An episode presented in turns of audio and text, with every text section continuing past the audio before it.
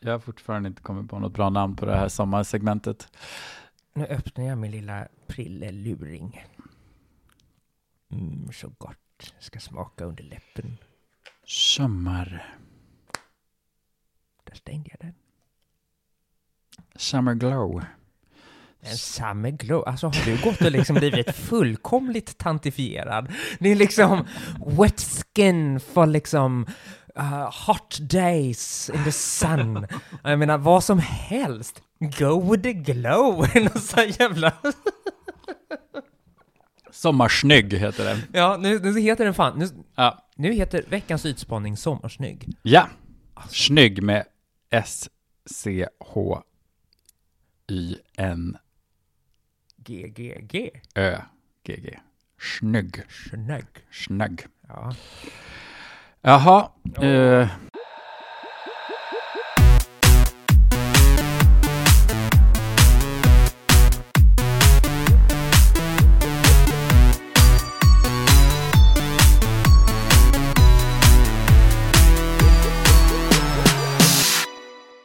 Hej och varmt välkomna till Ytspänning. Vet du vad det här är, Alexa?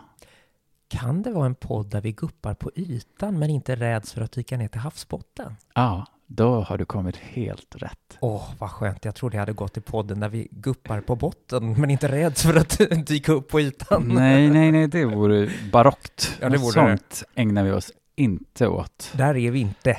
Hur är det med dig? Du har berättat att du har druckit mycket kaffe idag. Ja, jag har druckit... Åh, gud.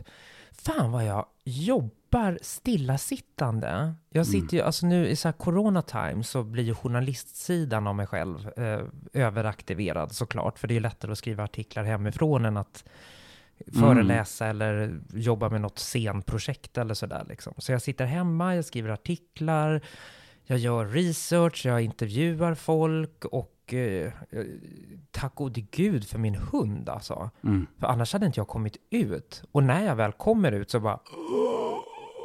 Då är det som någon sån här, liksom, du vet, covid-sjuk lungpatient som liksom så här ska försöka stappla sig Börja genom området. Stapplande försök ut i verkligheten igen. Exakt. Hur Ja. är det med dig, Christian? Jo, men det är bra. Jag har ju faktiskt varit ute på min, ja, första resa lite längre från stan eftersom nu leverantören har sagt att man fick åka lite bortanför, Ja, just det. lämna Stockholm. Så det var skönt och En timme eller två. Ja, precis. Fick Ja. man komma ut på lite landsbygdsmys. Just det, du har varit hos en god vän. Ja, en, en god vän, en gammal god vän. Gammal god vän. Ja, nej men det, det, var, det var överlag härligt. Mm. Mm, det får jag säga. Det får du säga. Vad Men härligt. idag ska vi tala om eh, härliga saker. Mm. Men vi kanske ska börja med att säga att det här är sista avsnittet av Utspänning för den här säsongen. Ja, men det är det. Mm, Nu blir det tar- sorglig musik. En liten fiol i bakgrunden. Kan du addera det sen i klippningen? Det är alltså så här Att vi tar ett litet sommaruppehåll. Ja, det gör vi. Ja, alla behöver lite semester. Ja, och vi har varit så flitiga. Ett avsnitt i veckan, vi har bara varit sjuka en gång. Mm. Och då är det ändå under de här omständigheterna. Precis. Mm. Ja, nej men så det... Eh, men vi kommer tillbaka. Det gör vi. Det blir en säsong två. Det blir en säsong två, det blir lite annorlunda. Ja, fast inte jättemycket. Det är ju fortfarande från hudvård till dödsångest. Men vi har tänkt lite att eh, det ska bli lite gäster. Mm. Vi kanske... Eh, eh, produkter kanske kommer i lite kortare form sådär. Precis, vi vill gå lite ja, djupare och inte in för mycket i just själva produkttips, utan mera gå på djupet med oss själva och gäster och om eh, Ja, men låta dem guppa på ytan och så tvingar vi dem att dyka lite och så åker vi upp på ytan igen och så Mhm. vidare sådär liksom. Ja, Ja. ni får se, vi kommer tillbaka. Ja, det kommer bli härligt. Jag, det längtar jag faktiskt efter. Det ska bli riktigt kul. Jag med, men vi kanske också ska flagga för det när våra trogna lyssnare tänker åh, en gång i veckan. Nej, en Nej. gång varannan vecka. Precis. För i höst är det lite albumsläpp för dig, Christian. Ja, i alla fall till vintern. Så att det är lite mycket som ska sättas ihop och fixas och donas och sådana där saker som kommer hända precis. Och du kommer nog säkert inte heller bara ligga och rulla tummarna om jag känner dig. Nej, det kommer jag inte. Jag, jag återkommer med alla mina spännande Mm. projekt som håller på och är i pipeline. Pipeline, det var något sånt där ord som alla började använda för ja, ett halvår sedan, ett år sedan, bara hela tiden. Men vad har du i pipeline? Mm, jag vet. Ah, det är trendord, det är Ja. fascinerande. ja, precis. Men jag kommer använda det här trendordet även när det är otrendigt. Ja, okej. I will hold it against ya. if you don't. You do that bitch. Do that. Ja, men eh, vi kommer att eh, köra lite härliga sommarsnygg Ikväll, idag. ikväll. Ikväll, Imorgon. beroende på när du lyssnar. Ja. Precis, så vi kommer att prata om både lite hudvård och eh, sminkidéer Ja. för sommaren. Och sen kommer vi även eh, i lite djupdykning prata lite, lite metoo, ja, men i ett liten eh, annan vinkel än den som var för några år sedan. definitivt. Från ett hbtq-perspektiv. Sexuella trakasserier i bögvärlden, som transtjej. Och det vi har erfarenhet av, som kanske skiljer sig lite från den generella eh, bilden av eh, heterokvinnor som drabbas, eh, för det är ju det största förtrycket såklart, Mm. eh, kvinnoförtrycket eh, när, när vi pratar om sexuella trakasserier. Men Mm. kvinnoförtryck, kvinnohat utmynnar ju i homofobi, transfobi och så vidare. Ja, verkligen. Men först, sommarsnygg.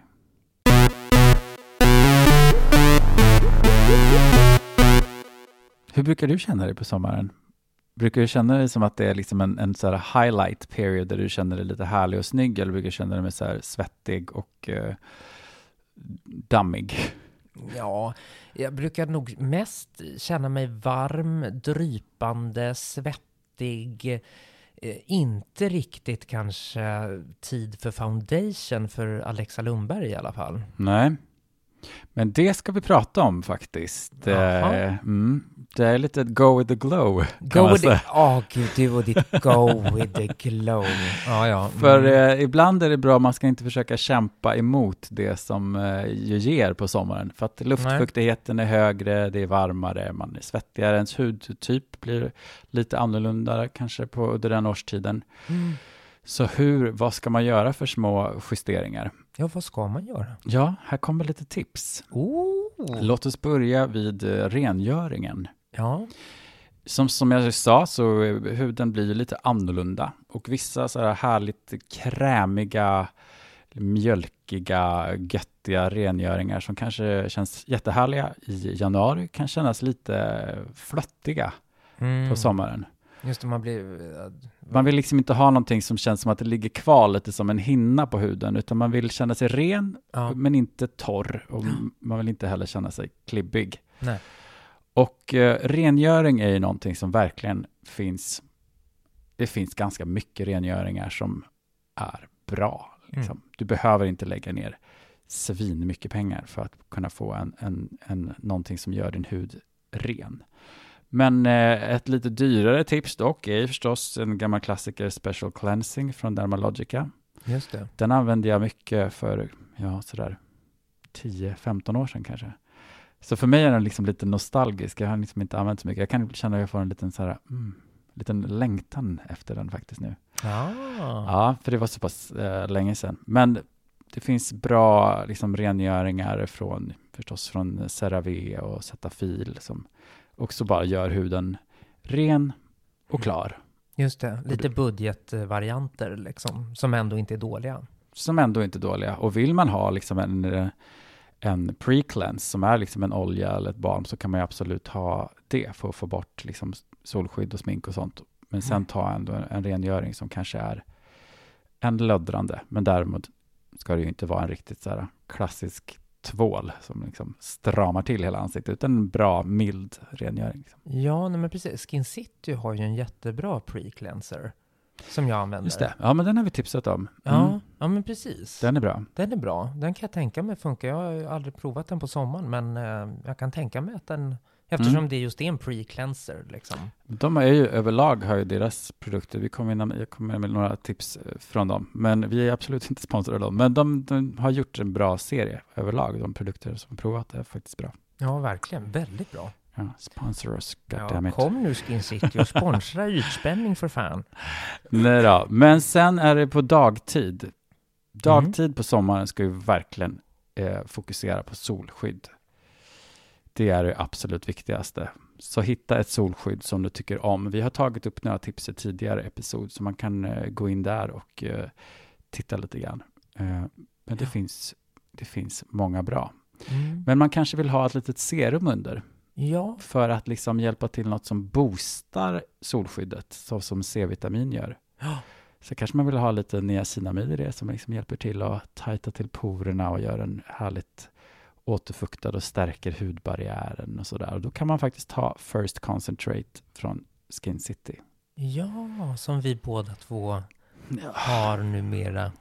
Det har vi och det här är alltså ett First Concentrate. Du kan alltså ha det både på dagtid och kvällstid och liksom använda flera serum om du Mm. vill det. Mm. Men det är bra. Vi har även tipsat tidigare om till exempel Aven Antioxidant Serum. Det är också sånt som hjälper till. Mm. Men det är någonting som är bra att ha i alla fall. Ett, ett serum med, med C-vitamin på dagtid. Just det. Hjälper till att skydda lite mot avgaser och sånt där. Fria radikaler som vill komma och attackera din hud. Nej men usch, Ja, de får inte komma in. låt det inte ske. Nej, Nej, låt den rätte komma in. C-vitaminen och niacinamiden. Exakt, de vill vi ha. Och sen kommer kvällen och eh, det är ju som vi har svarat på i tidigare avsnitt att eh, de, eh, alla hudterapeuter överlag säger att man ska vara försiktig med retinol Mm. på sommaren, även om det finns liksom retinol som är snällare och inte gör huden lika solkänslig och sådär, så att kan det vara en bra tid att ta en paus från retinol. Och vad ska man då ha istället? Man vill ju inte bara lämna sin hud helt utan några härliga återfuktande och eh, magiska ingredienser. Nej, du måste ju komma nu med en fantastisk eh, botgörare här. Ja, precis. Ja, men jag har ju några stycken här. Ett litet wildcard är eh, Liquid Peptides från Medicate. Aha, ja den har ju du provat här Jag nu. har precis börjat prova den här, så jag ska säga att jag kan inte säga till 100% att jag, eh, jag har inte liksom haft den så tillräckligt länge för att kunna säga exakt vad den har för effekt. Jag Mm. har inte märkt någon enorm skillnad på dem, men det är verkligen vad jag har använt den sådär var fjärde natt i två veckor. Ja, så jag vet inte riktigt, men Mm. det är ju, de, den skryter ju med att göra väldigt mycket härligt. Ja, Det är ju, eh, liksom peptider är ju då cellkommunicerande. åh herregud. Ja, de hjälper till att, liksom- Ja. gå ner och liksom boosta hudens eh, egna funktioner och sprida upp den så att den hjälper till att boosta kollagen och elastin och Mm. Ja, och den till och med pratar om att den har drönarpeptider som verkligen går ner och radiostyr. Gud vilken krigspropaganda det Ja. börjar kännas som. Så drönarpeptider liksom. Peppra din hud med Ja. drönarpeptider. Nej, men är man inne på sci-fi så kan man gilla det här serumet. Det, finns, det skryter med många effekter. Jag kan inte lova, en del av forskningen runt det här serumet är bara sånt som de själva har gjort, så att det kan man ju ta med en liten nypa salt. Ja. Men det här är något som i alla fall kan rekommenderas eh, som en, istället för retinol, om man ändå vill se till att hålla huden spänstig och ungdomlig, så kan det vara ett alternativ. Men ett riktigt, en riktig klassiker är Radiance Serum från Exuviance. Den var känd tidigare som Vespera Bionic Serum, ja. som vi har tipsat om tidigare. Det här är ju liksom ett eh, serum som verkligen innehåller massor med återfuktande saker som glycerin och det är typ alla vitaminer som, som finns. A, B, C, D, E. Nej, men det, det finns eh, och det är lite milda syror, det är lite PHA-syror som är en väldigt snäll men bra syra som kan hjälpa till att städa bort lite Mm. döda hudceller och mandelsyra också. Mm. Men det här är ändå syror som inte ska göra huden extra solkänslig, Mm. så som vissa syror kan göra. Just det.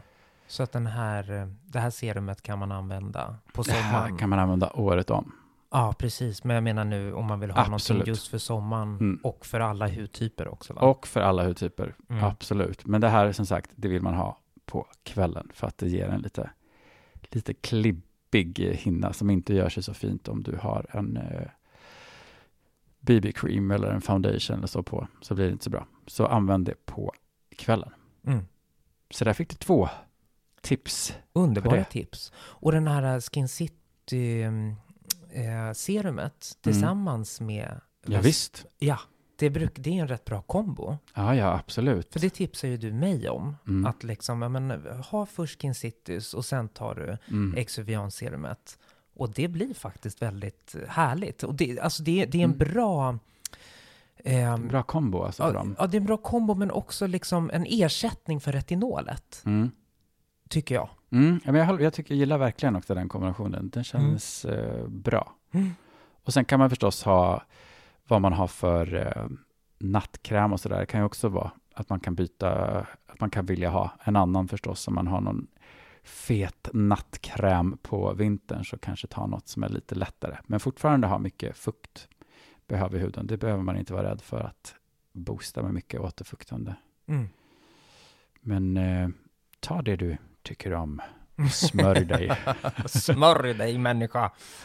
Ja, men nu övergår vi från hudvård till smink. Aha. Smink, då tänker jag lite så här att nu, nu kommer vi prata här som att det liksom eh, att sommaren alltid är jättevarm och härlig att man bara går runt där lite snyggt eh, glowigt, svettig i ett eh, läckert linne och dansar.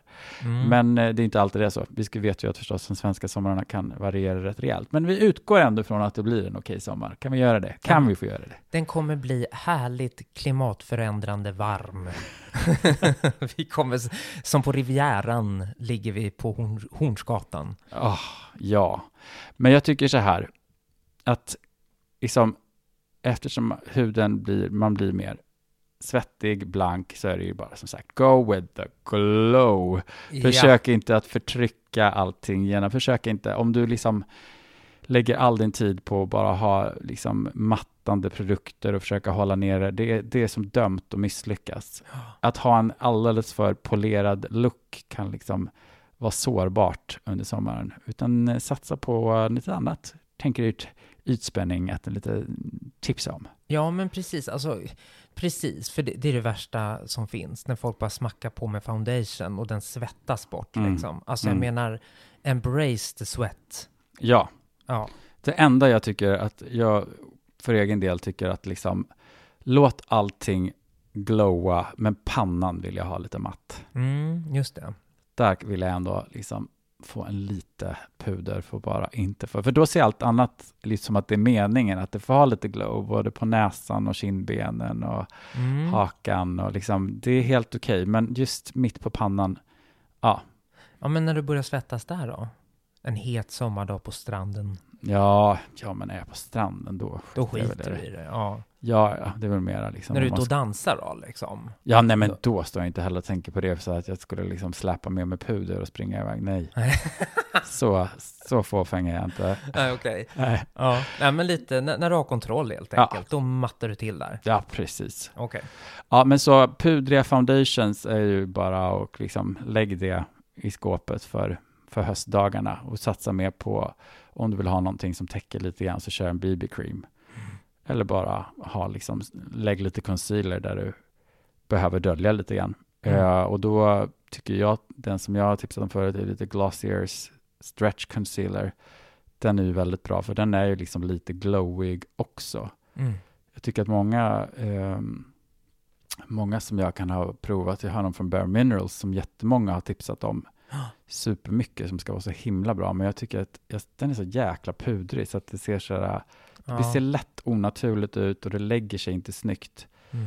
Då är det mycket bättre med en sån liksom, som är, den blir mycket mer ett med huden på något vis och inte så uppenbar. Just det. Kanske inte den absolut mest täckande, men hellre något som smälter ihop med huden och blir något fräscht än att ha något torrt här och var. Ja, precis. Som jag. sen då nästan visar det man vill dölja. Exakt. Ja. Där sätter du fingret på det. Det är det som bara, då motsäger det man vill. Man vill liksom bara, man vill ju framhäva sitt ansikte och sina drag och bara få bort lite, inte så här highlighta genom någon kaka till det på sina små ställen. Nej, men för vet du vad jag börjar tänka på när du säger det där? Mm. Eh, alltså tjejerna på gymnasiet, alltså när man gick på gymnasiet liksom, som kunde ha alldeles för ljus concealer runt ögonen Mm, så det blev mm. som två ljusa ringar liksom. Det där tycker jag är så så här kul. Björnligan liksom var ute och gick.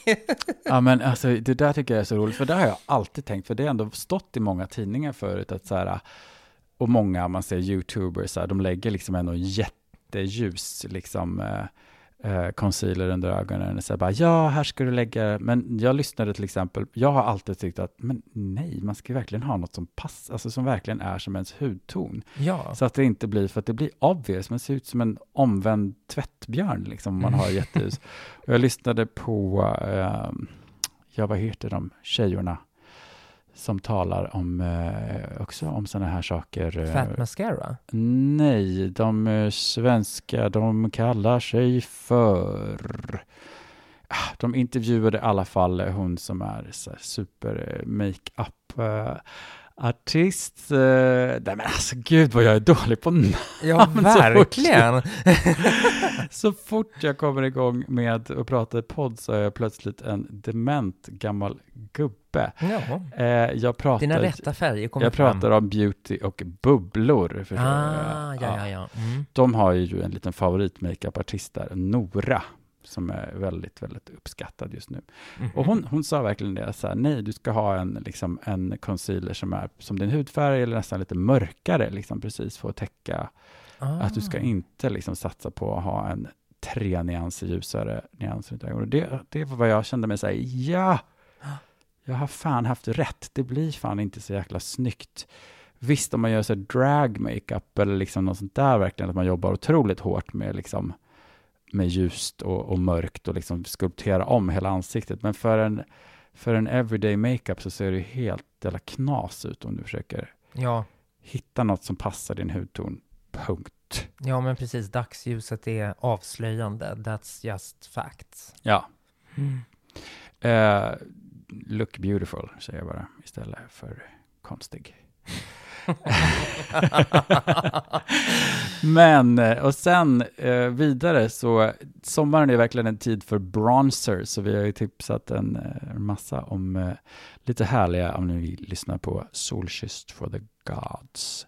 Men jag tycker också så här att man kan lätt glömma bort att alltså mycket bronzer kan ju verkligen många gånger, kan jag tycka att folk ser lite smutsiga ut, nästan lite liksom Mm. det kan bli mycket av det goda när man verkligen vill framhäva sin solbränna genom att ha liksom runt och hela pannan under kindbenen och lägger den ganska muddy, kanske lite Mm. orange.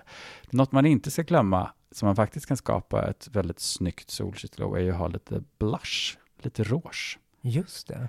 För att liksom förstärka precis där man liksom har varit, som att man har tränat eller varit ute i solen, så kan man få liksom en liten rosig, eh, så lägga det lite grann istället på kinderna och kanske några andra Mm. punkter i ansiktet, tycker jag kan vara väldigt fräscht. Ja, men precis. Så, alltså du menar så att det ser ut som att du faktiskt är lite solkysst? Ja, det kan verkligen se fräschare ut än att liksom bara använda för som Wayne Goss, som eh, vi jag skickade ett litet klipp på, en makeupartist. Ja. Han är väl från Australien, eller om han är britt? Nej, ja. ja, men verkligen. Han Mm. brukar ju verkligen poängtera det här, att liksom bring back some color to the face, liksom att det, Mm. man ser fräsch ut. Ja.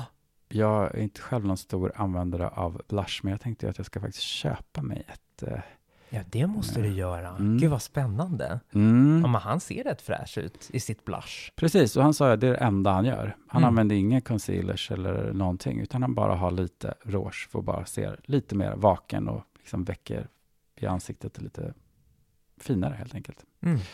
Så det är fräscht. Eh, någonting som jag tycker kan vara sjukt snyggt är ju om du har den här lite glowiga, somriga huden, är ju att eh, skapa en kontrast för de som använder läppstift, att verkligen ha ett riktigt matt läppstift i en Mm. stark färg. Mm. Kanske en eh, liksom lite varmare ton på läppstiftet som Lady Danger från MAC. Mm. Ett litet tips, lite mer rött som drar lite åt det orangea. Det med en så här hud som ser så här fuktig och lite glowy ut och sen de här matta läpparna som kontrast. Så snyggt. Okej, så att det blir din hud som får stå för det här svettiga liksom? Exakt, då blir det liksom att det ser mera menat ut. Det blir som mera intentional, så att det blir, det blir Ah. allting blir, det är jäkligt snyggt tycker jag. Med enkla medel så ser du fixad ut helt enkelt? Precis, och så behöver du inte gå runt och vara oroad dig för att och alla de här ögonskuggorna ska trilla ner, de ska, utan du kanske bara gör, liksom, bara ha läpparna som en riktig color pop, liksom. Mm. Och låter bara din fräscha hud som du har varit ute och rört dig i naturen och badat på. så är väl alla somrar, eller? Jajamensan! Ja, men om man inte, tycker man inte om att eh, ha läppstift så kan ju också verkligen vara jättesnyggt. Många känner sig ändå lite mera experimentella tycker jag det kan vara på sommaren. Kanske verkligen bara ha någon jäkligt, en, liksom, en ögonskugga. Kanske inte jobba med fyra olika shades utan verkligen ha en ögonskugga, en riktigt poppande färg Mm. och liksom tryck på med den rejält och ha en liten primer under och sen gå ut och dansa loss. Mm. Ja men precis, du pratade innan också om att ha då en ögonskugga som är alltså i krämform. Ja men precis, det är någonting som verkligen sitter förstås då, så att du inte svettas. Ja, just Borta, det, så att du har en färgen över hela Nej, fejan. Nej. utan gärna ha någonting som verkligen är, det finns i alla möjliga prisklasser, sådana som verkligen är så här, liksom finns ju 17 något märke som har något som heter nästan tattoo eller något sånt där med en färg som verkligen sitter Ah, som berget. just Mm. det. Och så kan man ju ha den här primern som jag ska prova, så det är inget tips egentligen, men jag kan ju tipsa om att jag ska prova den och ni kan ju också prova den då. Eh, från Urban Decay, Mm. som är liksom en sån här ögonlocksprimer, så att Mm. mm. skuggorna verkligen sitter. Och den finns även i anti-age ehm, version. Så man Oh. kan även ha den under ögonen som en liten eh, ja, Mm. anti-age-vårdande produkt. Gud så fräscht. Mhm. Och sen om man absolut tycker om att ha mascara så kan det vara bra att ha förstås en vattenfast mascara. Mm. Just om man, det känns viktigt om man inte vill svettas bort den. Ja. kan ju vara lite svårt att få bort, eh, men om man bara har det då och då när man ska ja, men där måste ut på jag säga, dans. Ja, men där måste jag säga som eh, daglig eh, mascara-användare att alla mascaror säger idag att de är vattenfasta. Mm. Väldigt få är det. Mm. Alltså inte ens mina dyraste mascaror för, alltså för It's all 300-400 lies. spänn. It's all lies. Men det är Mm. klart det är ju bättre att ha någon som ska vara vattenfast i alla fall. För de Mm. håller väl lite längre, misstänker jag. Ja, och de håller även formen på ögonfransen. Om man Ja. har böjt den så lite bättre än en icke vattenfast mascara. Mm. Ja, men det var lite eh, sommarsnygga tips. Vad Från härligt. redaktionen. Ja, det var det. Mm. Hoppas att vi eh, kunde hjälpa er lite grann. Ja, hoppas det var lite inspiration. Mm. Om inte annat så är det för sent, för nu har du hört det ändå. nu har du ändå lyssnat, så nu kan du lika gärna fortsätta på djupdykningen där vi ska prata sexuella trakasserier. I Here we, go. Here we go i hbtq-världen skulle jag säga. Nu kan vi gå till jingel.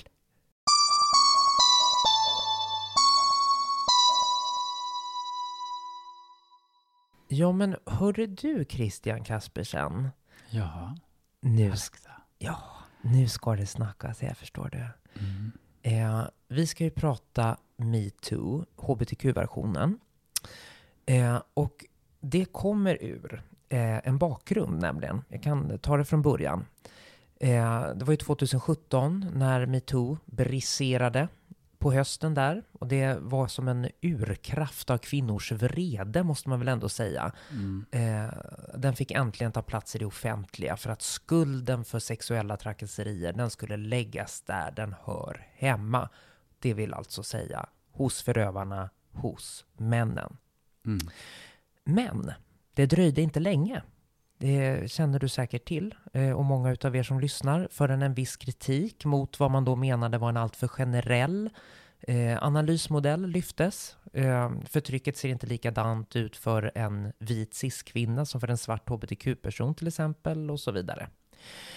Eh, själv då så tycker jag inte att det går att avkräva att hela analysen ska finnas färdig alltså redan innan revolutionen. Eh, från allra första början. Eh, men vi kan alltid bygga vidare efter att problembilden är lyft, så att säga. Det är ju bara början. Mm. Nu kan vi ju börja bygga någonting nytt. och lyfta fler aspekter utav samma problem. Mm. Och då tänker jag att vi kanske inte kan prata om hur det är att vara en svart hbtq-person, men vi kan prata i eh, mer generella eller egna erfarenheter. Eh, hur Mm. sexuella trakasserier yttrar sig i hbtq-världen på Mm. olika sätt. Jag som är transtjej eller bögtjej eller hur man nu vill definiera det. Du som lever bögliv. Eh, om jag frågar dig bara öppet och härligt. Mm. Eh, vad tänker du när jag säger eh, metoo bögversionen?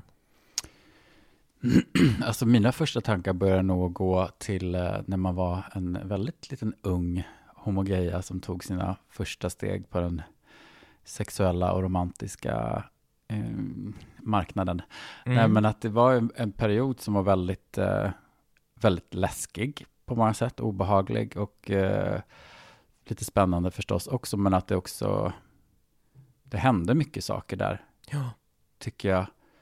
Situationer som jag själv höll på att hamna i, tack och lov, liksom situationer som jag också tog mig ur, men att, ehm, ja men det, man var ju väldigt, väldigt ung, osäker, och jag tyckte att liksom, eh, i början var det verkligen så här, folk varnade en, liksom passa dig för de här Mm. gubbarna, liksom, det är de som, Mm. att eh, det var ju verkligen många gånger de som tog kontakt och vågade liksom lägga an på var många gånger äldre Mm.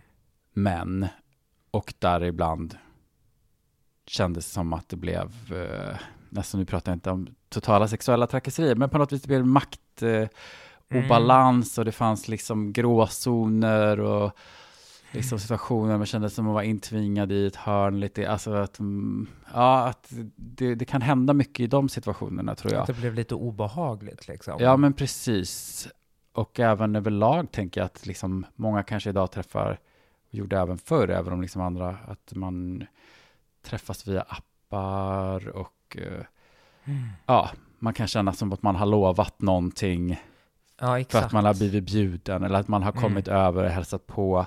Och att det, jag tror att många har liksom upplevelser där man har gjort saker mot sin vilja och där Ja. det är väldigt mycket gråzon att så här, okej, men visste den här personen att den hade ett övertag gentemot dig eller liksom, alltså det är Mm. väldigt eh, svåra situationer att bena ut, men som kanske har, Mm. kan lämna med mycket eh, obehag och skam och Ja. sådana situationer. Ja. är det första jag kommer tänka på. Mm. Ja men absolut, och jag håller med dig i det. Om, alltså man, om jag också ska backa bandet lite grann, så när man började gå ut på hbtq-ställen och sådär som eh, Ja, som sagt, jag kom ut väldigt ung som transtjej, liksom, så att jag hann ju knappt vara ute som bög, liksom Mm. sådär, utan alltså inte heterotjej, men man, folk såg att jag var trans, liksom, och sådär. Och, men, men man hamnar ändå då lätt i någon form av kvinnoroll i alla fall, liksom som väldigt feminin homogeia eller liksom då uttalat trans. Mm. Ehm, just det där att man blev bjuden eh, och, och inte vågade säga nej om de sen då ville ha en kyss eller få ta en lite på rumpan eller kanske Mm. till och med gå hela vägen sådär liksom. Det var inte alltid man gjorde det. Mm. I, jag, ångesten tog över rätt snabbt där när jag var riktigt ung, liksom, så jag smö, smög iväg när jag Mm. hade fått, blev bjuden på några drinkar och jag märkte att nej, jag kan inte göra det här. Liksom, så. Mm. Ja, jag är så jävla glad över vissa situationer som jag också minns, som jag bara, tack för att jag ändå hade Mm.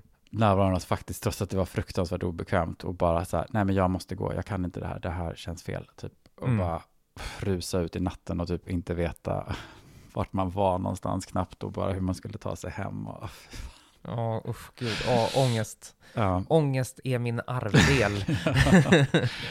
ja, nej usch. ja, nej men precis. Jag, jag eh, kommer ju också tänka på, det blir ju genast väldigt då, eh, Alltså självklart så har jag ju varit med om att jag har blivit tafsad på, både på brösten och på rumpan och liksom alla de här klassiska trakasserierna, liksom att man inte har bett om att bli tagen på, så bara tycker någon att den ska få ta på Mm. ens kropp sådär liksom. Speciellt faktiskt när jag gick på, började gå på hormoner och liksom man, man, man såg att det började hända saker med min kropp liksom. Då var det ju som att folk bara det var ju någon sån här villebråd nästan, sådär, Mhm. bara, men gud, det, som ett socialt experiment på något vis, liksom sådär, de där tuttarna måste jag ju få ta på, för det är ju inte riktigt som att tafsa, tyckte man. För det var ju inte riktiga tuttar, alltså du förstår det sådär, fast det var mina Mm. Ja. väldigt verkliga bröst. Ja. Eh, och det var ju väldigt mycket bögar faktiskt som, som gjorde det. Eh, Mm. Andra bögar som liksom bara, men gud älskling, och eh, du Då vet kanske sådär. de tänkte som att så här, men jag är inte intresserad på det sättet, så då är det väl inget farligt om jag klämmer. Och, Nej, men precis. det är klart att det kan bli, kännas helt fel.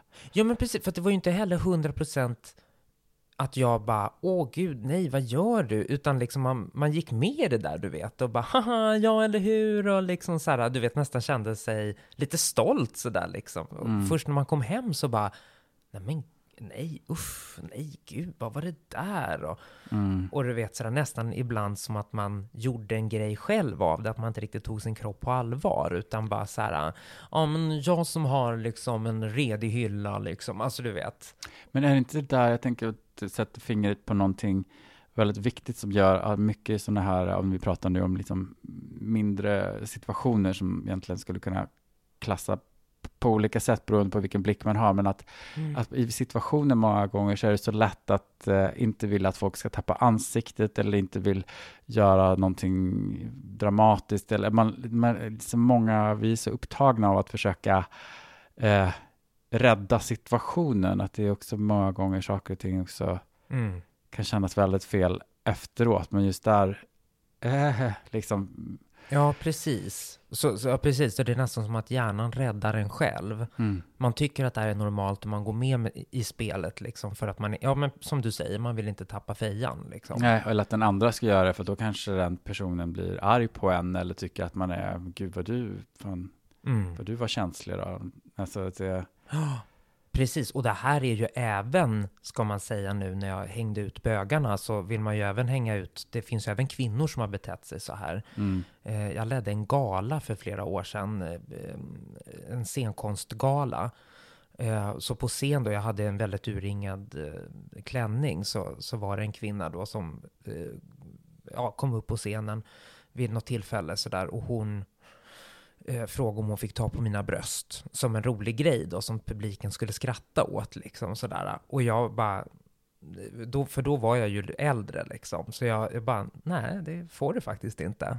Eh, och hon då såg det som en, eh, ett tecken på att jag saknade humor och var en sån här PK-tant liksom, som, Mm. Alltså du vet. mm, Nej, men så det är ju någonting med det där, liksom, alltså transpersoners eller då transkvinnors bröst, liksom, som är på riktigt men ändå inte. Alltså man kan sexualisera dem och skämta om det, men det är ändå inte riktigt din kroppsdel mm. på något vis.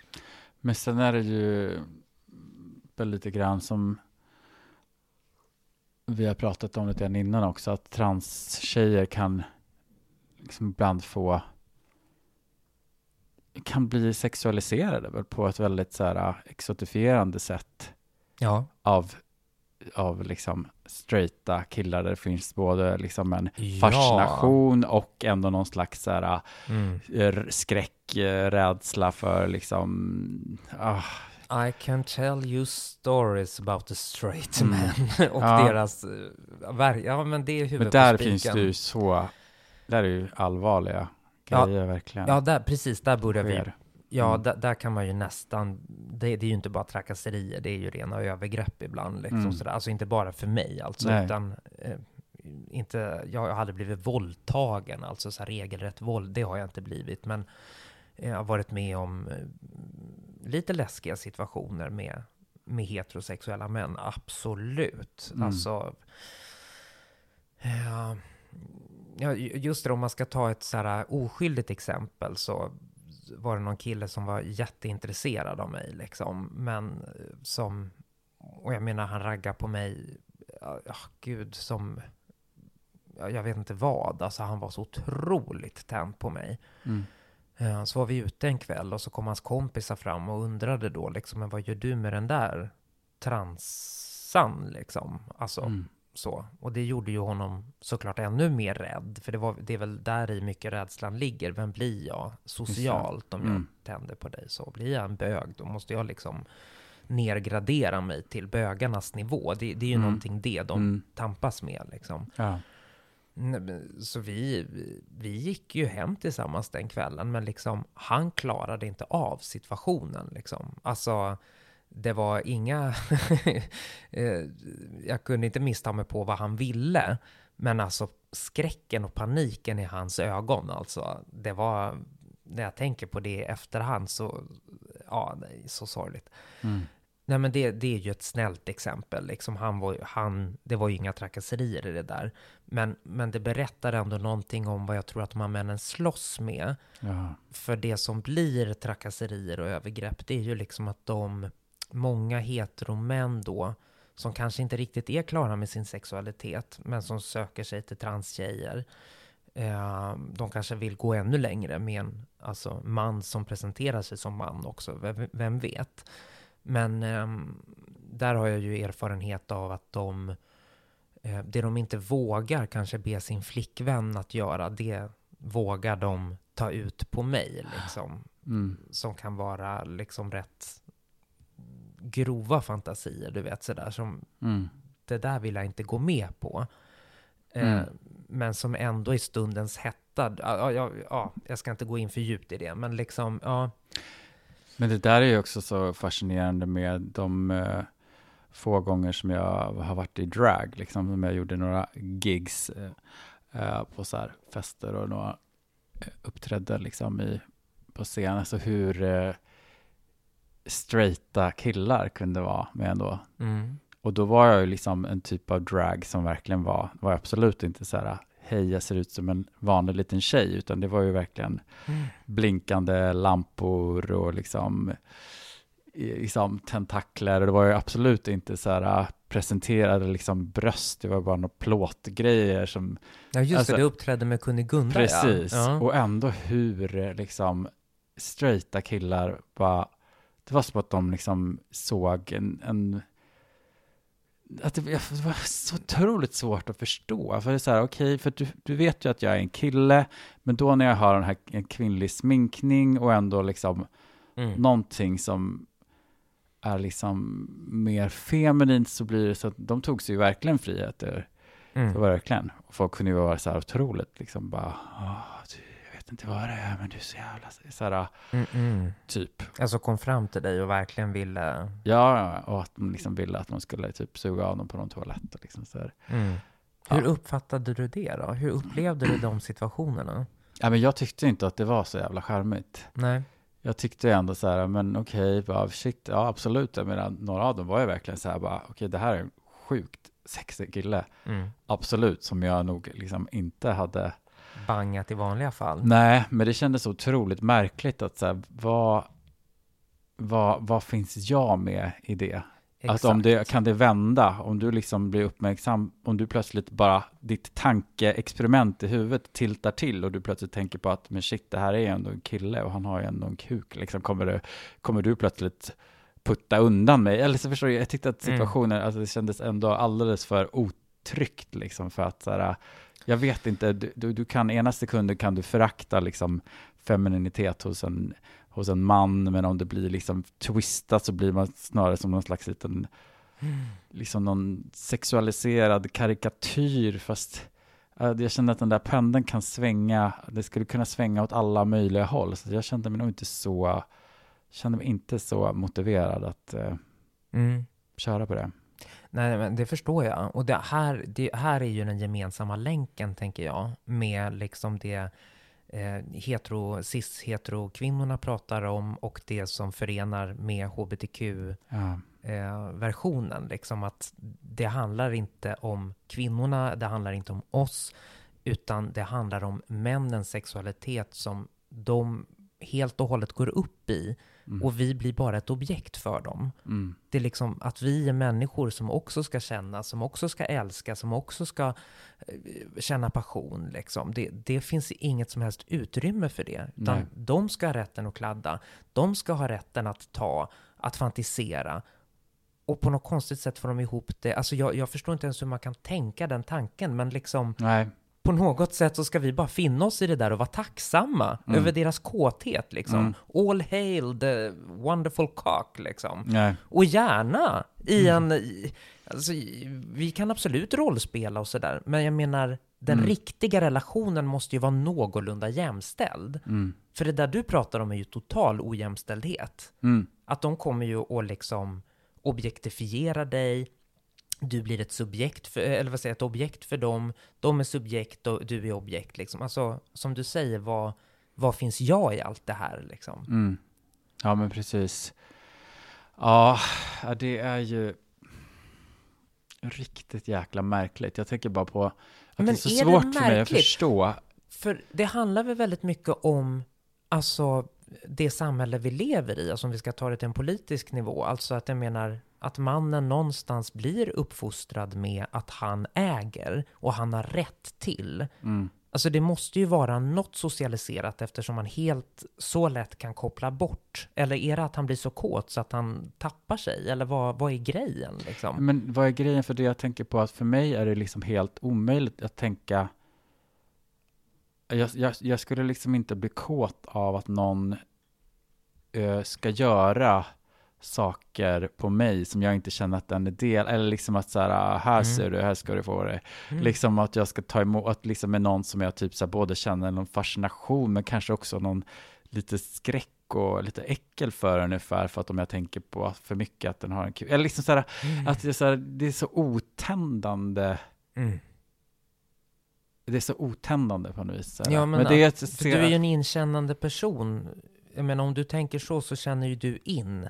Mm, Och, och liksom, du tar hänsyn till vad någon annan vill också. Och du vill att ni ska vara någorlunda i samma eh, akt. mm, ja, Precis. Men det där är ju ett väldigt klassiskt rollspel mellan feminint och maskulint. mm, Där liksom maskuliniteten ska sätta på och femininiteten ska vara ett objekt som ja, då suger av eller ställer sig på alla fyra och tacksamt tar emot liksom. mm. Ja, what is it? Ja, men, och det är också, alltså det, det har vi ju pratat om förut, men det är ju väldigt eh, intressant att, att det räcker då med att du liksom står där i dina färgglada tentakler liksom, Mm. och i, smink liksom, och så helt plötsligt, ja men nu är du en tjej. Ja, Nu, jag nu är du tjejrollen. Det är det som är så jäkla fascinerande, hur många som liksom går med på det. Jag minns att vi var och uppträdde på någon sån här återföreningsträff för liksom något eh, sammanhang, några som hade gått i samma, läst samma kurs eller någonting så här. Mm. och vi rev av några eh, nummer liksom, och, och sen var vi där och minglade runt liksom. Och, alltså, vet, tjejerna blev ju skitförbannade, för vi hade verkligen alla de här killarna efter oss typ hela tiden. De var så här, och, och ville dansa liksom tryckare och bara, det känns ändå så häftigt det här. Och precis som man bara, fast för att du är liksom så här, det är ju inte så att du, det är inte så på riktigt att du liksom tror att vi är tjejer, för det var ju liksom absolut inte den typen av Nej. look eller liksom så här, men det är någonting, ja precis, man sätter på sig lite tentak- tentakler och liksom gör någonting för att feminiseras, då är man liksom helt, är man ett möjligt objekt liksom. Ja, det är Ja. jäkligt skruvat alltså. Ja, alltså verkligen. Och det, det där, jag, ehm, jag har ju dragat innan jag gjorde min korrigering, men även efter jag gjorde min könskorrigering så har jag ju vid ett tillfälle varit i full drag Mm. och utgett mig för att vara en drag queen. Eh, våran gemensamma vän Robert Fuchs sminkade upp mig till tänderna liksom. Alltså Sveriges drag queen nummer ett efter Christer Lindar får man väl säga ändå. Eh, och eh, vi uppträdde tillsammans en hel kväll på Kolingsborg som inte finns längre. Men, och då var det ju såklart en jättegrej att jag var en drag queen med kvinnokropp. Mm. Eh, för att jag visade brösten i en show sådär liksom och alla bara åh herregud vad är det där, åh vad häftigt och sådär liksom. Alltså, Mm. och då kan man ju tänka att jag kanske asked for it a bit, men alltså I was performing. Ja, Eh, Det var en klubb liksom, it was burlesk. Eh, Hello. hello, det, annars kan det bli svårt att göra performance och konst och man, Ja men eller hur? om man därmed ger green card för liksom grönt kort ja, för allt liksom. eh, ja men precis, för sexuella trakasserier eller Mm. vad det nu är. Mm. Ja, men jag, precis som du berättar så hade jag ju killar efter mig så att jag, alltså get in line liksom. Mm. Gud vad de ville ligga. Och precis som du berättar också, så här snygga heterokillar, tjejen är hemma. Eh, och jag fick liksom stå med honom vid en bardisk och skulle lyssna på hans dilemma. Hur jobbigt det var för honom att han var så attraherad av mig när han hade en tjej där hemma liksom. Mm. Och det här var för kanske 10, 11, max 12 år sedan. Och jag bara tröttnade på den här killen. För jag var ju ändå inte purung då. Jag var, för 10 år sedan var 28, ja, ungefär 27-28 var jag väl. Mm. Ja, så att jag hade ju liksom börjat tröttna på liksom att stå och liksom... Lyssna på hans gaggande. Ja, jag hade ändå gjort det sen jag liksom började dejta killar som tjej liksom. Mm. Ja, så att, ja men precis, så att jag började liksom visa mina färger lite mer och bara, ja men hörru du, om det här är så jobbigt så, ja, jag menar, vill du eller vill du inte liksom, sådär Mm. liksom. Mm. Eh, varpå han bara eh, helt kom ur det liksom, för att jag visade mig vara en person i rummet också. Och Mm. bara, nej men du, vi kanske ska skita i det här. Mm. Och man bara, alltså inte för att jag hade varit så här jätte på att följa med honom hem. Jag jobbade ju Mm. liksom. Det var ju min grej den kvällen att jag skulle mingla med, med folk och sådär Mhm. liksom. Ja, nej men så, så osexigt. Men det var ju inga trakasserier inblandade, men det säger ändå någonting om de här rollerna så liksom. Mm. Som man förväntas ta på sig. Mm. Men jag kommer att tänka på ett fall som ändå blev väldigt uppmärksammat i samband med metoo, som ju ändå var en, eh, eh, som ju ändå var en homosexuell, eh, där med Kevin Spacey och Ja. den här unga Just det. skådespelaren, musikalartisten vad han var. Eh, Mm. Ja, som i väldigt unga år hade blivit Ja, han var, påhoppad av Kevin Spacey. ja, han var väl liksom närmare 40 och när killen var typ 15, 16. Alltså, Pedofilvarning. ja, var, han var väldigt ung. Ja, men Mm. Kevin Spacey har man ju inte sett till. Sen dess, nej. Nej, Nej, han blev väl till och med urplockad ur House of Cards. ja. Ja, det har verkligen hänt grejer. Ja, men det här blir jag lite nyfiken på, för att nu pratar vi ju om, alltså heteromän, det, det står jag fast vid. Mm. Det är det stora problemet så. Ja. Men jag menar, du lever ju ändå som bög. Mm. Har, kan, hur skulle du säga, alltså är det mera jämlikt i bögvärlden? Alltså det här med, är det svårt att bli sexuellt trakasserad? Eller hamnar man lättare på en jämlik nivå, eller? Ja, men som jag sa, jag tror nog att det lättare blir så när man är liksom när man är väldigt ung eller att träffa, alltså att det finns en maktobalans på ett sätt redan från början om det då handlar om att man själv tar sina första stapplande steg in i hbtq-världen och eh, någon annan, att det kan hända saker. Groomaren liksom. Precis, men att det blir något helt annat, eh, ja men när man är liksom mera två vuxna kallar som möts, att, eh, Ja, att jag tror att det inte blir riktigt eh, samma sak. Nej precis. För, så, att- men liksom för på senare år, du umgås ju mycket både i gaykretsar och så här böggäng och Mm. eh, ute på klubbar och sådär liksom. Har du, märker du av eller liksom har du själv varit med om alltså någonting som är liksom skevt? Alltså om vi ska prata metoo. Mm. Mm. Nej. Nej. Jag förknippar det nog väldigt mycket med, med Heteromän. Ja, definitivt. Mm. Men, ja, det, det finns ju uppenbarligen liksom stora fel i någon slags uppfostran och Mm. roller och vad som var det slår slint någonstans där. Mm. Men ehm, nej, jag kan nog inte riktigt se det eh, lika mycket Nej. just nu när jag tänker på det i alla fall. eh, Mm. liksom, bögar ibland. Det är klart att det Ja, det är finns klart saker. att det Men är inget- ja, existerar, men absolut. Men det är ingenting som du ser lika tydligt. Liksom. Nej. Nej.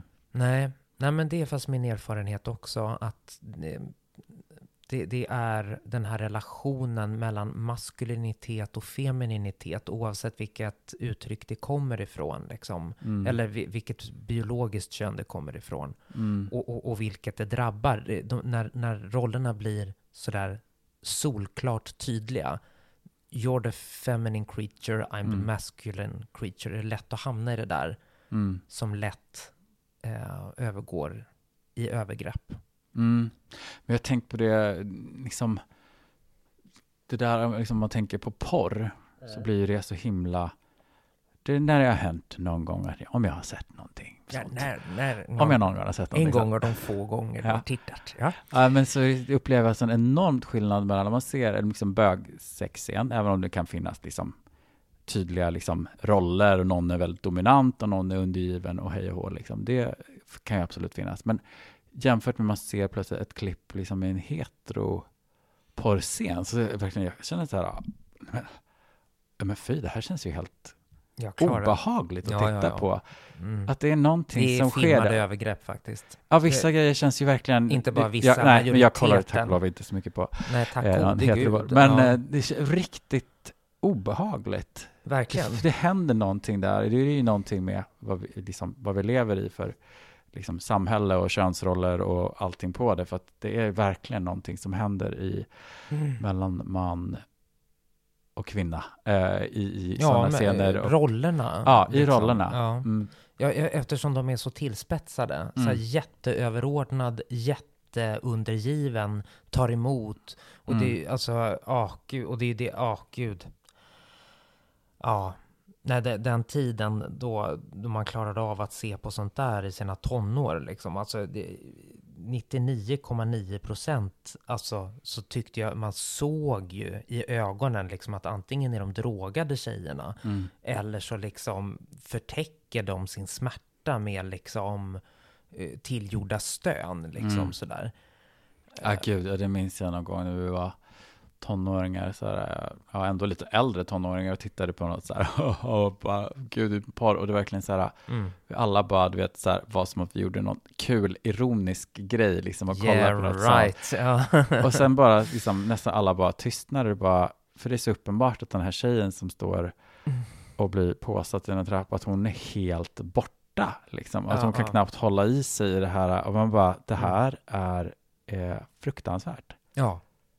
Hur kan någon, liksom, om man har gjort det här, hur kan man släppa det här och tjäna pengar på det? Mm. Och nu låter jag som, att det handlar alltså, ja, det handlar Ja, inte om det- porr överhuvudtaget, utan det handlar, Nej, det, det där alltså, är liksom, det- det, där man- är galet. Ja, det, det är faktiskt galet. Alltså jag, jag vet, det finns ju en, Mm. en eh, debatt om det här. Liksom man kan vara sexpositiv och sexnegativ. Men det är ju en väldig skillnad på en queer-feministisk porrfilm som man gör där, där man förhoppningsvis då alla njuter eller man liksom experimenterar med sex och vad kan det vara och sådär. Ja, ja, ja. Det är en jävla skillnad på det och det vi pratar om nu. Mm, liksom. mm, Och det- och-. Ja, och det är också väldigt lustigt att äh, utan att vi ens tänker på det så hamnar vi i det där mansrollen och kvinnorollen liksom. Mm. Ehm, det, det, och det var ju som vi började med att säga, alltså det, det, homofobi, alltså jag är ju helt övertygad om att homofobi, eller det är, är det ens en diskussion, men det kanske det är, Ehm, att homofobi handlar om kvinnoförakt. Mm. Alltså den lägre stående varelsen, den högre stående varelsen, alltså som Mm. det har sett ut liksom i samhället. Mannen har varit samhällsmedborgare, kvinnan har varit ett komplement som har fått vara hemma, ta hand om barnen, ta hand om hushållet och sådär. Det var ett jävla rabalder när kvinnan ska gå ut och göra saker på lika villkor och sådär Mm. liksom. Jag och då, där, därifrån kommer väl, alltså just också eftersom det är bögen som är så föraktad, den Mm. feminina mannen, att han liksom understår sig, att nergradera sig till verkligen. kvinnans nivå, kvinnans sexualitet och så vidare. Ja, ja, nej, det är ju, det är ju bara en förlängning liksom av, Mm. av kvinnoförakt. Ja. Jag lyssnade på en, faktiskt en kille här i helgen som eh, hade läst en hel del om typ vikingatiden.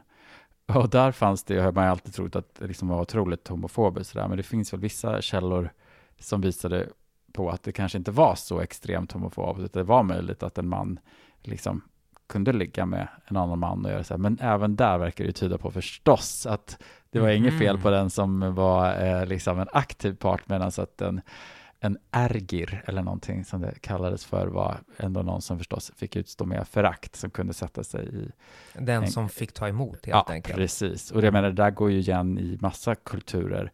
Att någon som kan liksom sätta på, även om det är en man eller en kvinna kan ändå vara en riktig kär, men det är Mm. Så Han är fort aktiv. Ja, men en passiv man, en feminiserad man, en, en äcklig man, en, liksom, en, Mm. värd att liksom ändå förakta. Ja, det där är, det är ju inte färdigt på långa vägar Nej, det är så någonstans. ofärdigt. Ja, Ja, här sitter vi, vi är ju inte, vi är inte lastgamla liksom. Vi är mitt Nej. i livet och liksom, men det är ändå, vi, vi pratar ju ofta om det. Mm. Det här med Ja. ångesten över att vara alternativ eller den andra eller liksom Mm. sådär. mm. Att och det, femininitetsförakt verkligen ja, finns i både liksom i hetero och homo på vissa sätt också. ja, men det var vi, var vi inne på det förra avsnittet. Nu, nu har vi gjort några avsnitt så jag glömmer bort när vi Ja, pratar om vad. Ja, skitsamma. Vi, vi är så erfarna nu, vi, Vi är så gamla. erfarna och gamla. Men ja, precis. Femininitetsföraktet, ja. Ja, precis. För om man Mm. ändå ska... Eh, vi, vi var ju inne lite på det. Ehm, alltså så här... Eh, Just det med eh, Ja, men alltså hur- likriktning. ja, precis. Likriktningen med metoo. Alltså det här... Att det fanns en viss kritik då mot att liksom, men alla, alla kvinnor utsätts inte på samma sätt och även femininitet som inte då antar en kvinnlig form, alltså som homosexuella män, feminina män och så vidare. Så att det, det, springer ur samma källa men det får olika konsekvenser. Det yttrar sig på olika sätt. Mm. Ehm, hur, tror du att det finns någon, liksom, att det yttrar sig på ett annat sätt än en feminin fjolla, om vi ska tillspetsa det liksom? Ehm, tror du att den utstår något, något annat sexuellt förakt än en lite mer maskulin bög liksom? Eh, Ja, Ja, det tror jag. mm. men jag Ja. menar från andra bögar. Ja, men det är väl alltså, det finns väl en rangordning liksom i bögvärlden också, att ändå en liksom, ju mer en liksom en, en maskulin liksom bög är väl högre ansedd och åtrådd än en, en feminin Mm. bög överlag. Sen så finns det ju tack och lov ändå folk har lite olika tycke och smak och attraheras av olika saker, men i något slags större perspektiv så är det ju fortfarande så. Mm. Absolut. Nej, men jag tänker just med det här sexuella trakasserier och sådär, om liksom fjollorna är utsatta på ett annat sätt. Ja, jag vet inte. Jag tänker bara kanske att det är lite så här att de ska vara lite tacksamma. Mm. Just det. Alltså att det finns en sån attityd, eller? Ja, För att de överhuvudtaget får vara med, eller för att de... mm. Eller vad ska de vara tacksamma för, menar jag? ja men eftersom det är så mycket, men alltså det, ja, jag är så gråskalig. Ja, det- det är du. Men kan, kan, du inte, kan du inte försöka lämna och bara komma med ett statement och sen får vi eh, dra en pudel om det skulle vara så? Ja, precis. Ja, men jag tänker som att, jag vet inte om det är så längre, men jag tänker som att det skulle finnas mera ändå, det finns färre bögar som är liksom eh, väldigt maskulina Mm. och att de är högre i rang och de är fler och att liksom de som är eh, mera feminina bögar får liksom vara lite glada och tacksamma om de kanske lyckas. Om de får något. Ja, precis. Då kanske de får stå ut lite. Ja, Något. precis.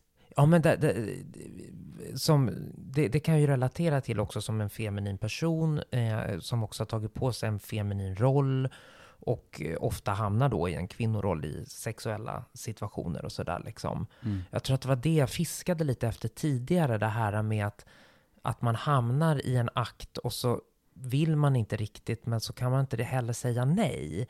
Mm. För att man någonstans känner sig, ja men nu har jag ju gått så här långt och ja, nej men jag, jag, jag ska väl inte säga nej för att liksom nu, nu vill han ju göra det här och så då får man väl bara ställa upp och alltså du vet sådär Mm. väldigt eh, ja, destruktiv sätt att funka på, men som man ändå gör.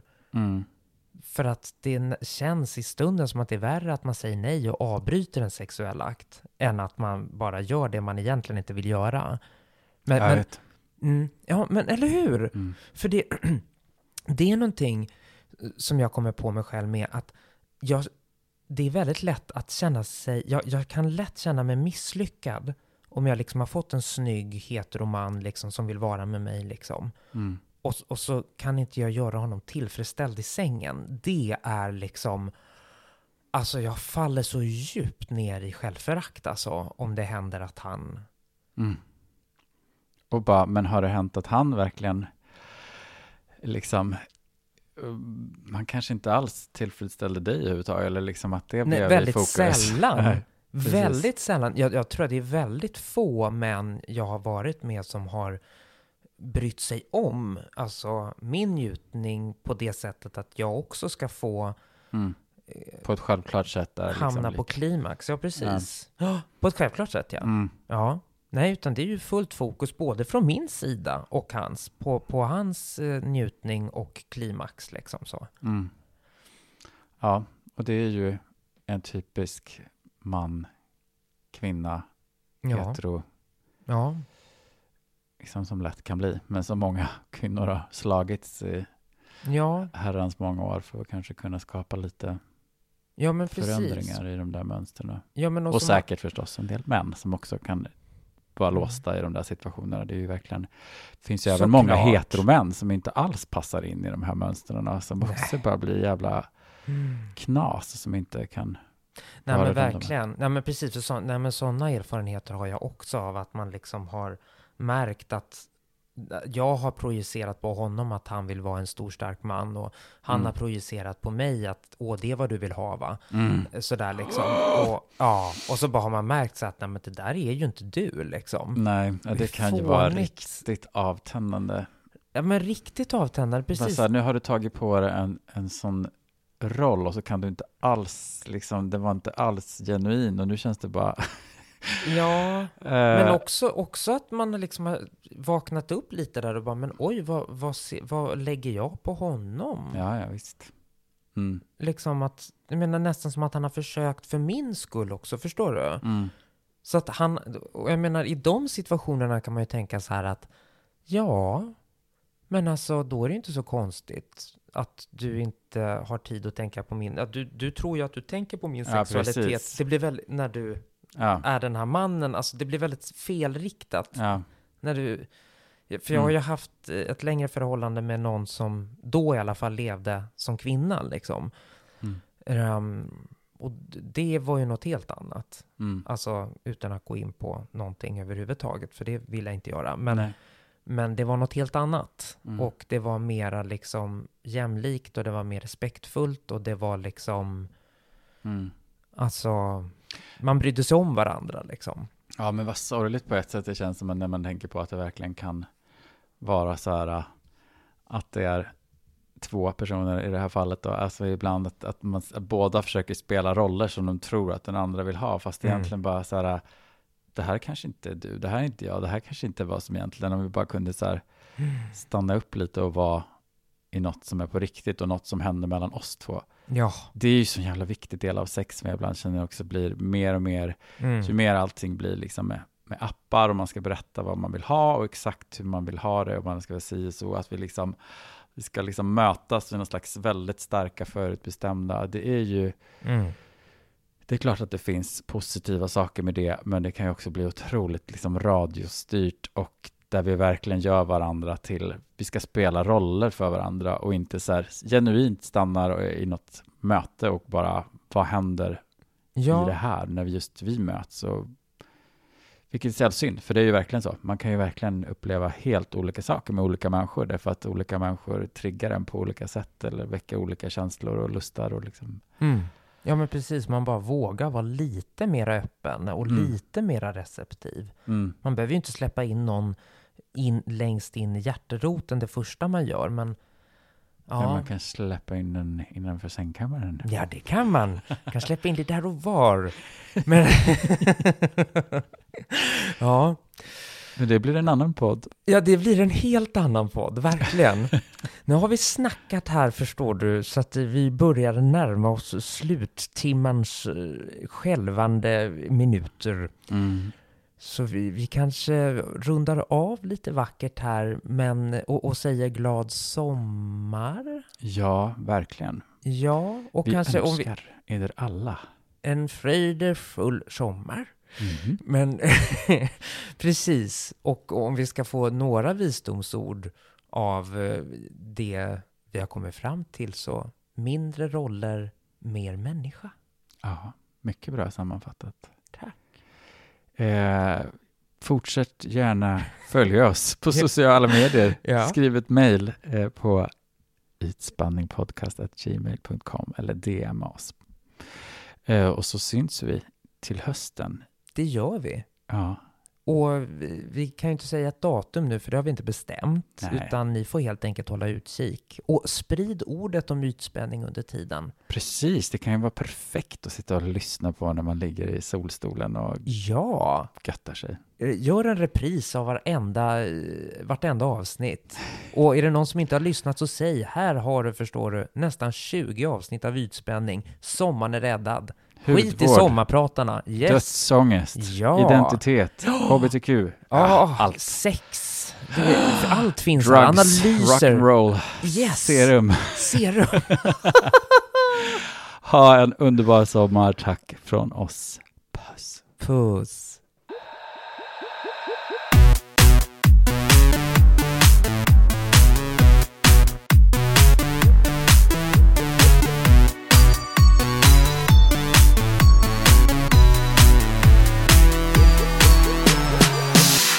Snygg med S-C-H-Y-N-Ö-G-G.